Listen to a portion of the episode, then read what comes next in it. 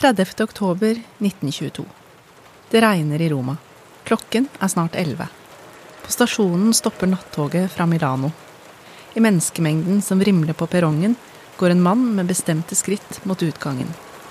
Han er ikke høy, men utstråler likevel autoritet. På slep har han fem menn, under armen har han en mappe med et viktig dokument. Kanskje har folket på togstasjonen sett mannen før? Noen venter han kanskje og møter han med jubel. Andre ser kanskje med frykt på den selvsikre italieneren. Benito Mussolini er på vei for å møte kongen av Italia. Han er kommet til Roma for å ta over statsministerposten og lede landet. Ingen, heller ikke Mussolini selv, vet at fra denne dagen skal han, som fascistenes leder, holde Italia i sitt jerngrep i 21 år. Det er 100 år siden Mussolini og fascistene tok makten i Italia. 28.10.1922 er blitt kjent som dagen svartskjortene marsjerte mot Roma og tok byen. Men hva skjedde i de skjebnesvangre dagene da historiens mest beryktede fascist tok over ledelsen? Hvordan kunne det skje at en antidemokratisk populist fikk sjansen til å rykke inn i førersetet i et europeisk demokrati? Og hvordan klarte den brutale italienske fascismen å fremstå som det riktige alternativet for 20-tallets Italia? Du hører på en podkast fra Universitetet i Oslo. For å svare på disse spørsmålene skal vi nå tilbake til et Italia preget av økonomisk og politisk uro, hvor Romerrikets storhetstid virker fjern, og restene etter antikkens Roma er i ferd med å forfalle. Jeg heter Mari Lilleslåtten. Jeg tror vi må tilbake til 1919, eh, da den fascistiske bevegelse ble født. Elisabetta Casina Wolff er historiker ved Universitetet i Oslo og landets fremste ekspert på Italias politiske historie og høyreradikalismen. Hun skrur tiden tilbake til 1919. Den fascistiske bevegelsen oppstår. Vi vet at den ble født på venstresiden, men den beveget seg nokså raskt mot eh, høyre. Dette var en urolig tid i Italia. Etter første verdenskrig, hvor Italia først var nøytrale, og så gikk inn på de alliertes, altså Storbritannia, Frankrike og Russlands side, var det stor misnøye med krigsoppgjøret. De hadde forventet å få italiensk kontroll over områdene Fiume og Dalmatia, i dag i Kroatia, og overta tyske kolonier. Slik gikk det ikke. Økonomien var ustabil, mange, og ikke minst veteranene som kom tilbake fra krigen, var arbeidsledige, og det var steile fronter mellom arbeidere og eliter. 1919 og 1920 har i ettertid blitt kjent som de to røde år. Det er en tid som eh, flere og flere historikere vil eh, definere som eh, nesten tilløp til borgerkrig. Altså landet var preget av politiske konflikter. En nokså radikal venstresiden, sosialistisk parti, som ledet streiker i byer og okkupasjonene av land på landet de to røde år, nettopp fordi venstresiden var såpass eh, radikal på den tiden at de ønsket en revolusjon eh, etter den eh, bolsjevistiske modellen. I Russland har sosialistene, bolsjevikene, nettopp gjennomført en revolusjon som har satt en støkk i hele Europa. Også det som gjelder, er at en god del av befolkningen er høyreorienterte på dette tidspunktet i Italia. Eh, vi har en bred middelklasse som er redd for den bolsjevistiske revolusjonen. Denne middelklassen er like frustrert som krigsveteraner som eh, kommer tilbake og ikke finner eh, jobb. Det er brede lag av befolkningen som føler seg truet av venstresiden. Fascistene, fascistene kommer inn i, i bildet med sine skvadre, altså kampforbund, paramilitære grupperinger bestående av eh, særlig krigsveteraner, arbeidsledige, nokså utagerende unge folk, også studenter, arbeidsledige studenter, som går inn mot venstresiden. De banker opp venstresidens ledere De okkuperer deres kontorer, de brenner kontorer til venstrepartier. De okkuperer og brenner også kontorer til presse. Fascistene, som herjer med venstresiden, er en direkte reaksjon mot trusselen om en rød revolusjon. De fikk finansiering fra agrarkapitalistene, altså de store bøndene som var redde for revolusjonen og ville på alle mulige måter stoppe venstresiden. Det som er viktig å påpeke, er at denne volden som herjet i Italia i to år, altså før marsjen mot Roma, var en vold som den legitime liberale regjeringen ikke ble i stand til å stoppe. Tvert imot, det vi ser, er at politiet holder seg tilbake når det er voldelige konfrontasjoner mellom sosialister, kommunister og fascister. Haren blir ikke sendt inn for å stoppe volden. Altså, den liberale regjeringen vil ikke bruke sin legitime monopol, altså voldsmonopol, og på en måte bruker fascistene til å få bort på venstresiden. En misfornøyd arbeiderklasse har funnet sammen i Sosialistpartiet, og snart starter Antonio Gramsci Kommunistpartiet. Og venstresidens politiske potensial øker raskt mens befolkningen for øvrig ser etter en ny leder.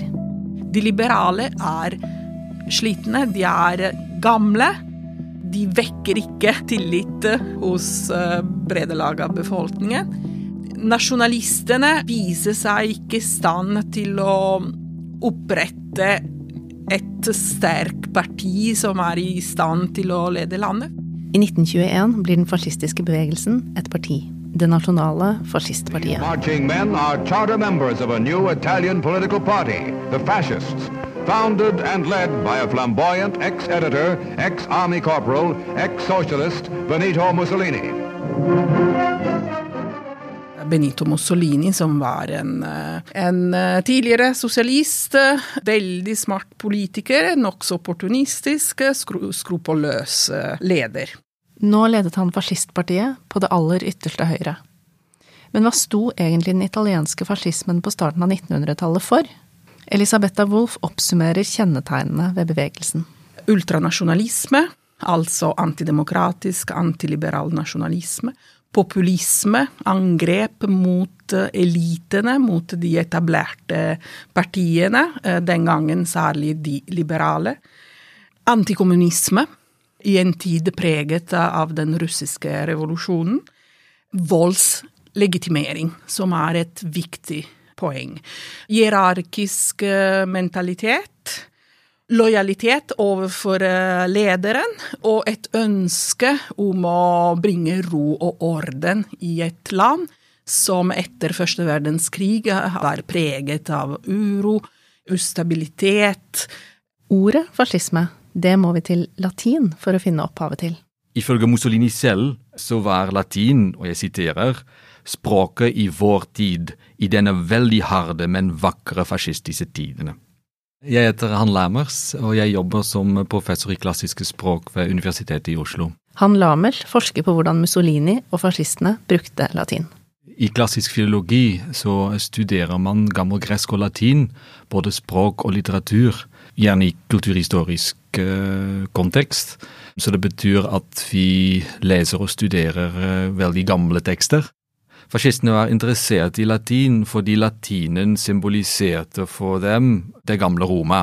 Og det gamle Roma var helt sentralt i fascismens ideologi og fascismens propaganda. På starten av 1900-tallet har Roma flere symbolske betydninger. Roma hadde blitt eh, Italias hovedstad i 870 og som sådan var det også det symbolske sentrum for den unge italienske nasjonen. Samtidig var det også blitt et symbol på sviktende rikspolitikk, ettersom den politiske misnøyen til italienerne ble projisert på hovedstaden. Altså Roma symboliserte det med et løfte om nyvunnet nasjonal enhet og gjenvunnet nasjonal stolthet, som ennå ikke var oppfylt. Mussolini og fascistene bygget videre på denne romerske midten og omdirigerte den til, til sin fordel. Og bevegelsen så til romernes språk for å finne navnet sitt. Selv navnet på bevegelsen, fascismen, refererer til et symbol fra det gamle Roma. De såkalte fasces var vel det viktigste symbolet til den fascistiske bevegelsen under Mussolini. Fasces er et uh, sammenbundet knippe av tynne stokker med en øks i midten, som ble båret under opptog i det gamle Romerriket som tegn på statlig autoritet. Dette symbolet kan du finne i flere logoer og emblemer også i dag. En liten bunt stokker sammen med en øks, og ofte med kroner eller kanskje en løve, sånn som hos det norske politiet. Eh, men for fascistene var fascis et tegn på Mussolinis autoritet og Italias gjenvunne samhold under fascismen. Eh, du kan fremdeles se slike fasces rundt omkring i, i Roma, faktisk. Fasces-symbolet blir altså til fasci og betegnelsen fascisme. Og det er Roma, hovedstaden, som er viktigst for Mussolini og fascistene når de begynner å få mer makt i løpet av de to røde årene. For som interessen for storhetstidens språk og symboler antyder, vil det ikke bare være en mobb som sprer frykt med hensynsløs vold, de vil også ha reell politisk makt. De vil styre Italia fra Roma. Selv om de ikke har stor velgeroppslutning ennå, skjer det likevel en utvikling til fascistenes fordel når italienerne går til stemmeurnene i 1921. Elisabetta Wolff. De liberale de går eh, tilbake. De mister eh, støtte. De har ikke lenger eh, flertallet i parlamentet. De er avhengig av allianse med andre partier. Og de ser samtidig at venstresiden har vunnet veldig, veldig mye. Dette gjør at de begynner å tenke at kanskje støtte fra fascistene kan komme til nytte. Ikke for å gi makten eh, til fascistene for godt. De liberale, den liberale eliten, tenker at de kan bruke fascistene for å bringe ro og orden i, i landet. Og så ta igjen kontroll over uh, situasjonene. Og det, uh, det er helt feilaktig. Det liberale partiet går i allianse med fascistpartiet. Nå har Mussolini momentum. Vi nærmer oss høsten 1922. I august 22 så lanserer venstresiden generalstreiken. Som viser seg å være helt mislykket. Og dette gir enda mer motivasjon til fascistene, som som sagt hadde brukt vold allerede i to år. og det Altså Venstresiden var definitivt på retrett i august 2022. På dette tidspunktet så velger Benito Mussolini en dobbeltstrategi.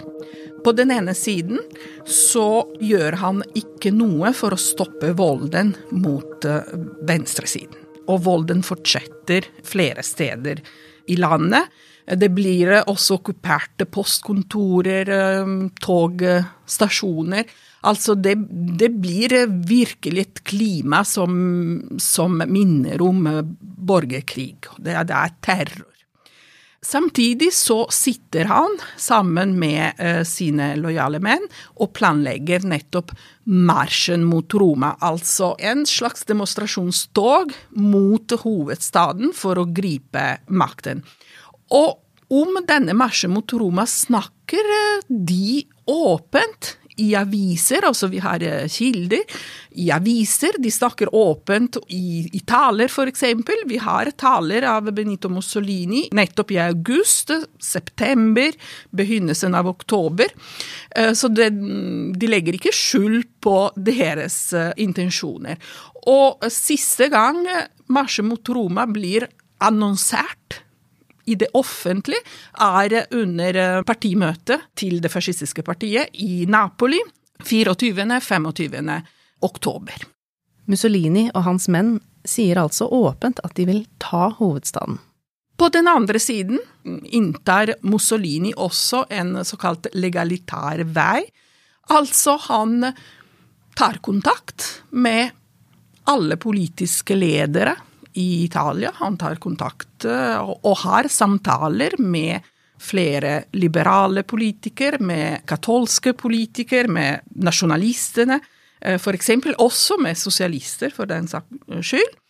Og han gjør alt for å overbevise dem at nå er det på tide å ha en koalisjonsregjering ledet av fascistene.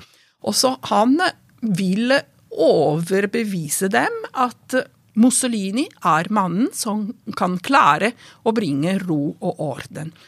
Han spiller sine kort veldig bra løpet av august-september, særlig september. En måned senere, 25. oktober, drar altså Mussolini fra fascistpartiets partikongress i Napoli til Milano. De neste dagene går med til intense forhandlinger. Han snakker med politiske ledere, med monarkiet, med kirken og ikke minst med industrieiere og landbrukseiere, kapitalistene. Og han gjør store fremskritt. Han klarer nemlig å overtale dem at de kan vurdere en koalisjonsregjering, ledet faktisk av fascistene.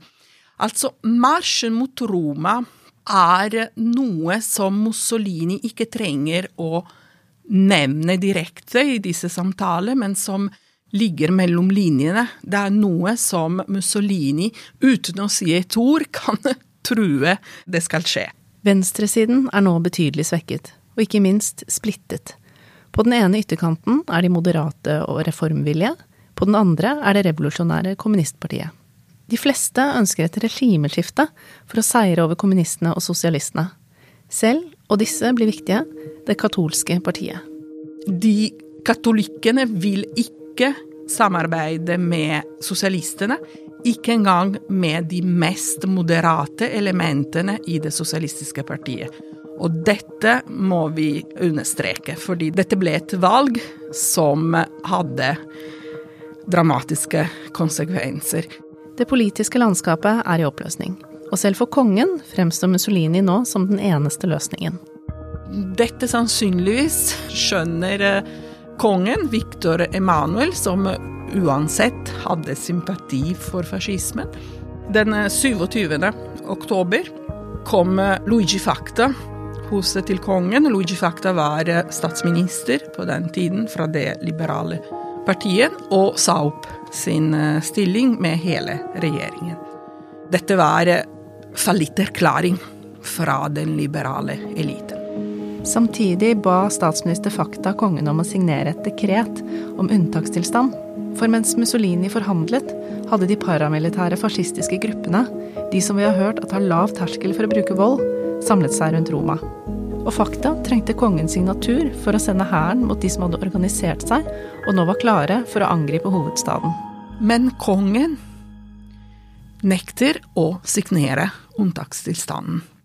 Ut fra sannsynligvis resultatet av de politiske forhandlinger eller konsultasjoner som hadde funnet sted de dagene før 28.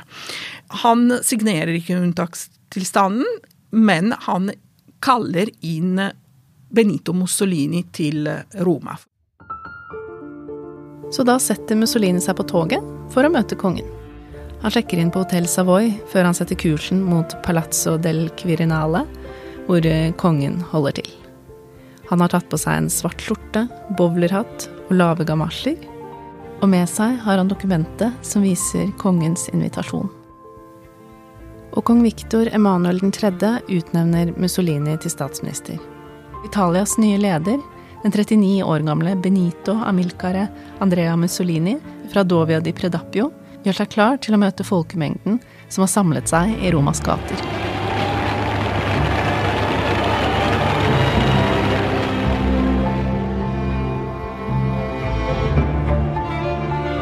Men vent litt. Var det ikke sånn at fascistene marsjerte mot Roma den 28. oktober og kuppet makten over Italia? Marsjen mot Roma fant ikke sted. Vi har de ca. 5000 fascister som er plassert rundt i fire strategiske punkter rundt Roma, men de beveger ikke seg 28. oktober. De, de, kan ikke komme til sentrum, til Roma, fordi togene ikke går den dagen.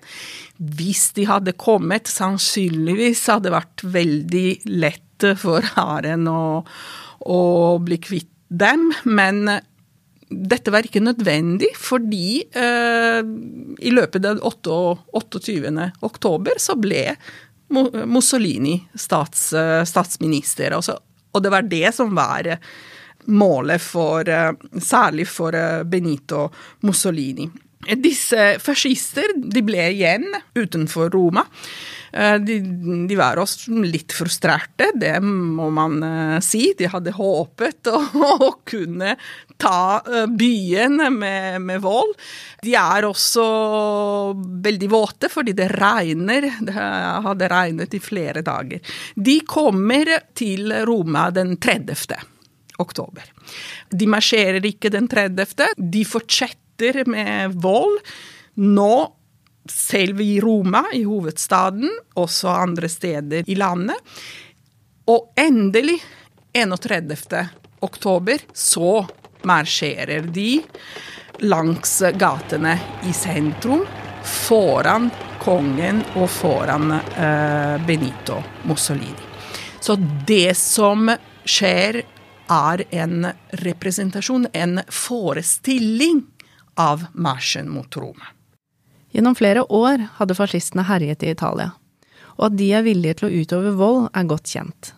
Så selv om Mussolini har varslet en marsj mot Roma, blir det altså ikke noe av, forklarer Elisabetha Wolff. Men det var flere valg som ble tatt i disse få dagene, ja, timene, som avgjorde det.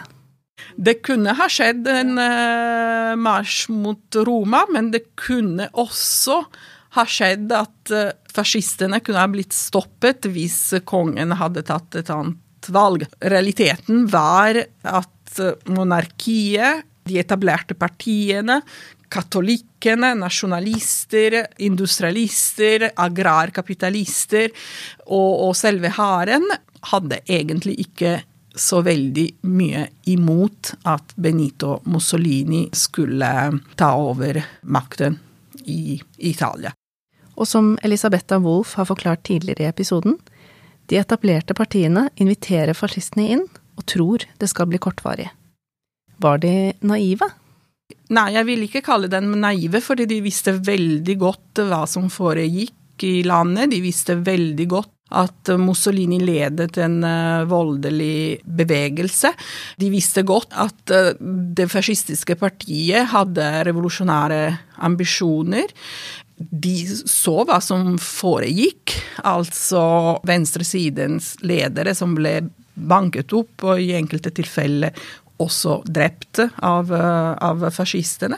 De var ikke naive, de var kanskje opportunistiske, veldig kyniske. De brukte fascisme, som, eh, som sagt. Så det skjedde ikke et statskupp i Italia, men en relativt fredelig overgang fra en regjering til en annen. Den nye regjeringen var en koalisjon av fire liberale, to katolikker, én nasjonalist, to generaler, tre uavhengige og fire fascister, deriblant lederen Mussolini. Men hvis marsjen mot Roma ikke egentlig fant sted, hvorfor har den da blitt så beryktet? Googler du marsjen mot Roma, vil mange nettsider fortelle at det var gjennom denne marsjen fascistene gjorde Italia til et diktatur. Ikke minst snakker fascister i dag varmt om hendelsen, og under koronapandemien oppfordret aktivister som demonstrerte mot vaksinepass, også til en ny marsj mot Roma. Hvorfor har denne dagen blitt så viktig? Elisabetha Wolff. Marsjen mot eh, Roma markerte virkelig starten på diktaturet, i, i den forstand at den markerte en ny fase starten på en ny fase. Ikke bare i Italias historie, men også i Europas uh, historie. Den visste flere ting. Også alt som foregikk disse, disse dager, visste veldig godt. For det første at det var mulig å ha et alternativ til det liberale systemet, som ikke nødvendigvis var et autoritært eh, regime eller et militært diktatur. For det andre så visste det Og dette er kanskje det, det viktigste poenget som vi får ut av denne episoden. Den visste at det var mulig å infiltrere, korrumpere og svekke det liberale systemet innenfra. At det var fullt mulig. Det visste også at det var nok å forestille voldsbruk for å skremme de etablerte partier i så stor grad at de var villige til å ja, kaste våpen og, og, gi makt til populistiske, ultranasjonalistiske, voldelige aktører. Vold er altså et viktig stikkord, selv om fascistene ikke tok Roma med vold den 28. oktober. Den såkalte marsjen mot Roma innledet en fase i europeisk eh, historie der det var på en måte nok å true med vold for å få sin eh, vilje. Slik kan vi si at marsjen mot Roma, selv om det ikke fant sted, har en veldig stor betydning. Fordi den åpnet eh, mot eh, et helt nytt regime som kunne utvikle seg først i henhold til eh, Grunnloven, og så utvikle seg mot diktaturet. Altså noe nytt, noe moderne, noe som nemlig vi kaller fascisme, eller det fascistiske systemet, det fascistiske regimet, som preget først Italia, og så Tyskland. Et regime som flere andre land forsøkte også å opprette, kanskje eh, med mindre lykke enn akkurat Mussolini og Hitler.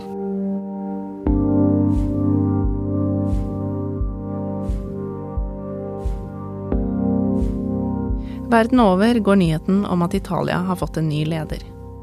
I Norge skriver avisen Arbeidet om Mussolini at han skal være en av de muntreste karer som finnes i verden, og at her i Bergen har vi sansen for slike tjuagutter. Hovedstadsavisen Tidens Tegn er dystrere. 2.11.1922 kan man lese Så begynner da Mussolini den nye æra som Italiens diktator. Men landet er ikke et fascistisk diktatur. Ikke ennå. Det ble absolutt ikke diktatur over natten. Det som skjedde like etter etter maktovertagelse eh, fra Mussolini, skulle egentlig vise at man gikk i feil retning, fordi han opprettet Milizia Nazionale per la sicurezza dello Stato, altså en slags privat eh, hær ved siden av hæren. Det var fortsatt et liberalt system, med parlamentarisme. Men så, steg for steg, ble Italia mindre og mindre demokratisk. I 1923 endres valgloven, noe som gjør at det fascistiske partiet får en mye sterkere posisjon etter valget i 1924. I 1926 blir opposisjonspartier ulovlige, og så utvides statsministerens makt. Parlamentarismen oppheves, og etter hvert blir stadig flere av befolkningens friheter tatt fra dem. Pressefrihet, samlingsfrihet, ytringsfrihet. Det var en lang prosess som tok uh, tid, og uh, kanskje mange ikke ble klar over det som, uh, som skjedde i Italia. Altså til, til slutt så, så, ble opposisjonelle ledere fengslet. Sosialistiske ledere, kommunistiske ledere.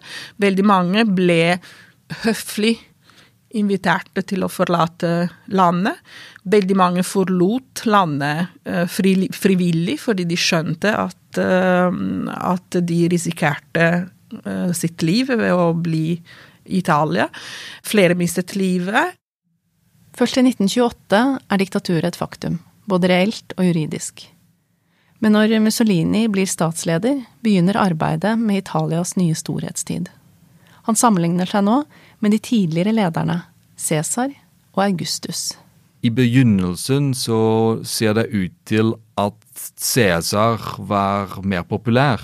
Det hadde å gjøre med at fascismen sa på seg selv som en revolusjonær bevegelse, og Cæsar resonnerte med dette selvbildet, så å si, mens da fascistene etablerte sin makt og regimet tok hold av Italia, så ble Augustus mer populær som referansepunkt for Mussolini. Så da finner vi den ideen med Mussolini som en ny keiser. Cæsar var ikke en keiser, Cæsar er fortsatt i republikken, men Augustus selvsagt var den grunnleggeren av det romerske imperiet. Og det var sånn at Mussolini også likte å presentere seg selv som en grunnlegger av et nytt romersk imperium. Han Lamert, som forsker på fascistenes bruk av latin, forteller at fascistene i flere år hadde vært opphengt i latin og Roma. En romakultus. Nå ble dette intensivert. Mussolini snakket ikke latin selv, eh, det er viktig å vite, men han brukte gjerne latinske ord latinske uttrykk eh, i sine taler og skrifter. Som den nye romerske lederen for italienerne måtte han selvfølgelig mestre romersk gamle språk også. Så da han fikk tildelt romerske borgerskap, eh, f.eks., så kunngjorde han på latin Kiwis romanus sum. Jeg er en romersk borger. Mussolini brukte også det velkjente uttrykket 'navigare necessest'. Det betyr det er nødvendig å seile, flere ganger som et slags motto for sin ekspansjonistiske og imperialistiske politikk. Altså, han tok ikke hensyn til de opprinnelige kontekstene disse, disse gamle uttrykkene hadde blitt uh, brukt i, men gjorde dem om til symboler for fascistiske idealer. Ikke minst tok Mussolini et nytt kallenavn i tråd med disse idealene. Il Duce var Mussolinis ærestittel. Duce ble oversatt på latin, dux, både duce på italiensk og dux på latin betyr leder. Selv om ordene duce og dux har samme betydning, ga bruken av det latinske dux assosiasjoner til det gamle Roma. Og ettersom keiser Augustus hadde kalt seg selv dux i sin selvbiografi, så koblet begrepet også Mussolini med Augustus som et eksempel på en romersk leder. Fortsatt i dag kan man finne dux skrevet inn i bygninger og fasader i Italia. I tillegg til bokstaven M for Mussolini var ordet dux et nesten obligatorisk element i utsmykningen av gater, tog, eh, fasader når Mussolini besøkte et sted. Og noen ganger ble ordet brukt i korte fraser som obidux, ibilux, hvor lederen er, av det lus. Altså man, man um, dekorerte byene med bannere, flaggene, triumfborger med korte tekster og dux, lux dux, obidux, ibilux var fraser som, latinske fraser som de brukte i den forbindelsen. Det er ikke bare ved hjelp av språket fascistene knytter seg til fortiden. Fascistene tok også i bruk den såkalte romerske hilsenen med høyre hånd hevet fordi de mente at det vanlige håndtrykket var slapt og uhygienisk. At denne hilsenen i realiteten ikke hadde noe romersk opphav, spilte egentlig ingen rolle. Eh, det viktigste var vel at man trodde det var sånn eh, de gamle romerne hadde, hadde hilst. Fascismens bruk av Romas fortid har et klart politisk formål. Ved å assosiere seg med det gamle Roma plasserte fascistene seg i en tradisjon som skulle legitimere den politiske makt deres og etablere deres kulturelle autoritet i det italienske samfunnet. Siden antikkens Roma var så sentral for fascismens politiske prosjekt, ble Romas språk betraktet som et nasjonalt språk. Latin ble ansett som det beste uttrykket for italienernes romerskhet. Eh, og for å gi tilgang til de gamle romernes verdensbilde, som fascistene ønsket å gjenopprette eller fornye. Siden latin var av nasjonal betydning, eh, mente noen at italienere som ikke studerte nok latin, egentlig begikk en slags faneflukt. De syntes at disse menneskene sviktet sitt eget land, sviktet Italia. På 1920-tallet kan mange italienere ha følt at eh, virkeligheten med konflikt og dårlig økonomi ikke passet overens med det som alltid hadde gitt dem nasjonal stolthet. At de tidligere hadde vært antikkens stormakt. Mussolini adresserte de følelsene. romakulten hjalp fascistene med å argumentere for at deres bevegelse ikke var et brudd med tradisjonen, men en fornyet og forbedret fortsettelse av den. I dag er hovedstaden en av de virkelig store turistmagnetene i Europa. Byen var ikke like staselig den gangen. Det moderne Roma ble nemlig i stor grad skapt av Mussolinis ambisjon om å forvandle byen til sentrum for en ny fascistisk verdensorden. Da Mussolini kom til makten, lå flere antikke bygg som vi kan besøke i dag, i ruiner. Men Mussolini sørget for at monumenter i Roma ble rekonstruert og ble mer synlige i bylandskapet. Og disse prosjektene var avgjørende for byens utseende selv i dag. Fascismen utgjorde kun en liten del av Romas 2000-årige historie, omkring 20 år, men den hadde en omfattende påvirkning på bybildet.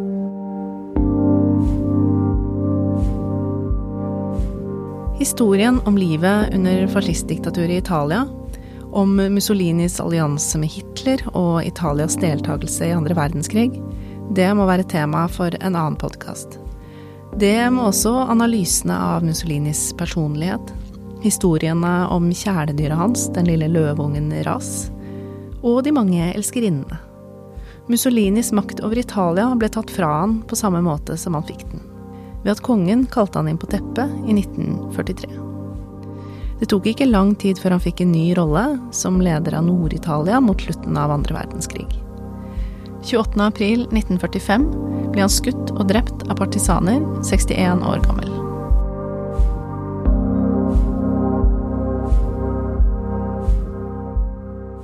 I dag opplever flere europeiske land at partier på ytre høyre vokser, noen knytter seg til historiske hendelser og aktører, og vektlegger det med å gjøre landet sitt bra eller stort igjen. Det skjer også i Italia. På sosiale medier sirkulerer f.eks. For fortsatt enkelte fraser, spesielt i noen grupper på den politiske høyresiden. Eh, søk på Twitter etter dux lux, f.eks. Dux lux betyr leder arlus på latin, og ble brukt i det fascistiske Italia for å glorifisere Mussolini. Du vil oppdage på Twitter at dette uttrykket, dux lux, fortsatt brukes som en politisk kode som viser en slags ideologisk tilhørighet innenfor visse nettgruppene. På en måte brukes latin fortsatt som en politisk eller ideologisk kode for å signalisere en slags politisk retning, særlig på høyresiden. På samme måte brukes sanskrit og norrønt som politiske koder for ytre høyre i India og Norge. Kanskje er det ikke ordene, men nettopp språket, latinen, som er den viktige koden. Det gjelder ikke bare Mussolini-tilhengere, men det gjelder fortsatt grupper som er veldig opptatt med den ideen av å eh, gjenopplive en slags romersk gullalder. Io sono Giorgia, sono una donna, sono una madre, sono italiana, sono cristiana, non me lo toglierete! Non me lo toglierete! En kvinne står på en scene hvor hun har drapert det italienske flagget over talerstolen foran seg. Hun har blondt hår, rød leppestift og er kledd i en enkel genser. Hun roper Jeg er Georgia. Jeg er kvinne, jeg er kristen, jeg er mor, og det kan dere ikke ta fra meg. Det var valg i Italia i september. Høyresiden fikk et rent flertall i nasjonalforsamlingen, og det verdikonservative partiet Italias brødre, som har sine røtter i nyfascismen, fikk 26% av stemmene. Så da hundreårsdagen for Mussolinis maktovertagelse nærmet seg, kunne Giorgia Meloni, som første partileder fra det aller ytterste høyre siden Mussolini, presentere sin koalisjonsregjering. Mange frykter kanskje at det vil gå som Marx advarte, at historien vil gjenta seg. Men når vi nå ser oss bakover, til de dagene for hundre år siden, hva kan vi lære? Elisabetta Wolff. Jeg Vi lærer først og fremst at det kan være veldig enkelt å ødelegge for et liberalt og demokratisk system, selv uten akkurat den dagen bruke vold. Vi kan lære at, at fallet av et liberalt demokratisk system kan komme også av, av partier som er splittet, uenige med hverandre, som eh, viser at de ikke er i stand til å eh, samarbeide mot antidemokratiske, antiliberale krefter. Den viser at disse høyere radikale krefter kan også leve godt eh, i, i befolkningen, slik at eh, støtte til eh, antidemokratiske og antiliberale aktører kommer nesten naturlig i spesifikke konteksten. Altså den viser at det liberale systemet den dag i dag kan falle med de samme mekanismene Eh, som eh, vi har sett i forbindelse med den såkalte marsjen mot eh, Roma. Likevel er historikere alltid forsiktige med å spå om fremtiden. Vi befinner oss i en helt annen kontekst enn 20-tallet i, i, Europa. vi har ikke en verdenskrig bak oss, forhåpentligvis ikke foran oss heller. vi, vi har ikke den samme dype moralske og økonomiske krise som, som vi hadde på 20-tallet. 20 Men klart eh, står vi foran flere kriser, som klimakriser og eh, også økonomiske kriser på mange måter. Men eh, vi har også overnasjonale institusjoner som vi ikke hadde på, på, den eh, tiden. De fleste land i Europa er godt forankret i en demokratisk eh, tradisjon. De fleste land har også levd i demokratiet mye lengre enn eh, det Italia og Tyskland hadde gjort i mellom, eh, mellomkrigstiden. Men det betyr ikke at demokratiet er fullstendig verna? Det er all grunn til å være på vakt, følge med og eventuelt eh, sette i gang en eh, opposisjon, eh, sterk opposisjon, både i parlamentet og utenfor parlamentet, så snart man ser at lovforslag f.eks. går i feil retning.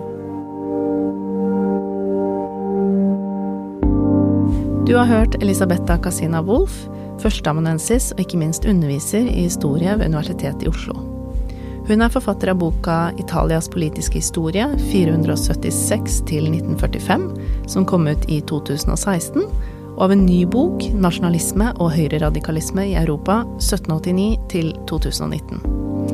Du har også hørt Han Lamel, professor i klassiske språk ved Universitetet i Oslo. Han Lamel leder prosjektet Fascist Latin Texts, som samler latinske tekster fra den italienske fascismen i et digitalt arkiv, som du kan finne på universitetets nettsider under flt.uio.no. Du har hørt lyd fra YouTube-kanalene til Critical Past, La Repubblica og British Paté. Musikken er fra Epidemic Sound. Beskrivelsene av Benito Mussolini i Roma er hentet fra Blood and Power, The Rise and Fall of Italian Fascism av John Foot. Sitatene fra norske aviser er funnet hos Nasjonalbiblioteket. Vil du høre våre forskere fortelle om flere historiske hendelser? Universitetet har flere podkaster om akkurat det. Finn historien om massakren ved Den himmelske freds plass og demokratiprotestene i Hongkong i Universitetsplassen-podkasten. Eller gå til norgeshistorie.no for podkaster om norsk historie. Konsulenter for episoden har vært Petter Løken og Camilla Sloss. Episoden er laget av meg, Mari Lilleslåtten, fra Det humanistiske fakultet ved Universitetet i Oslo. Tusen takk for at du hørte på.